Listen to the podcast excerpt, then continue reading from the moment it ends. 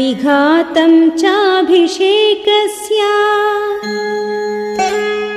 राघवस्य विवासनम् राज्ञश्चोकविलापं च। परलोकस्य चाश्रयम्।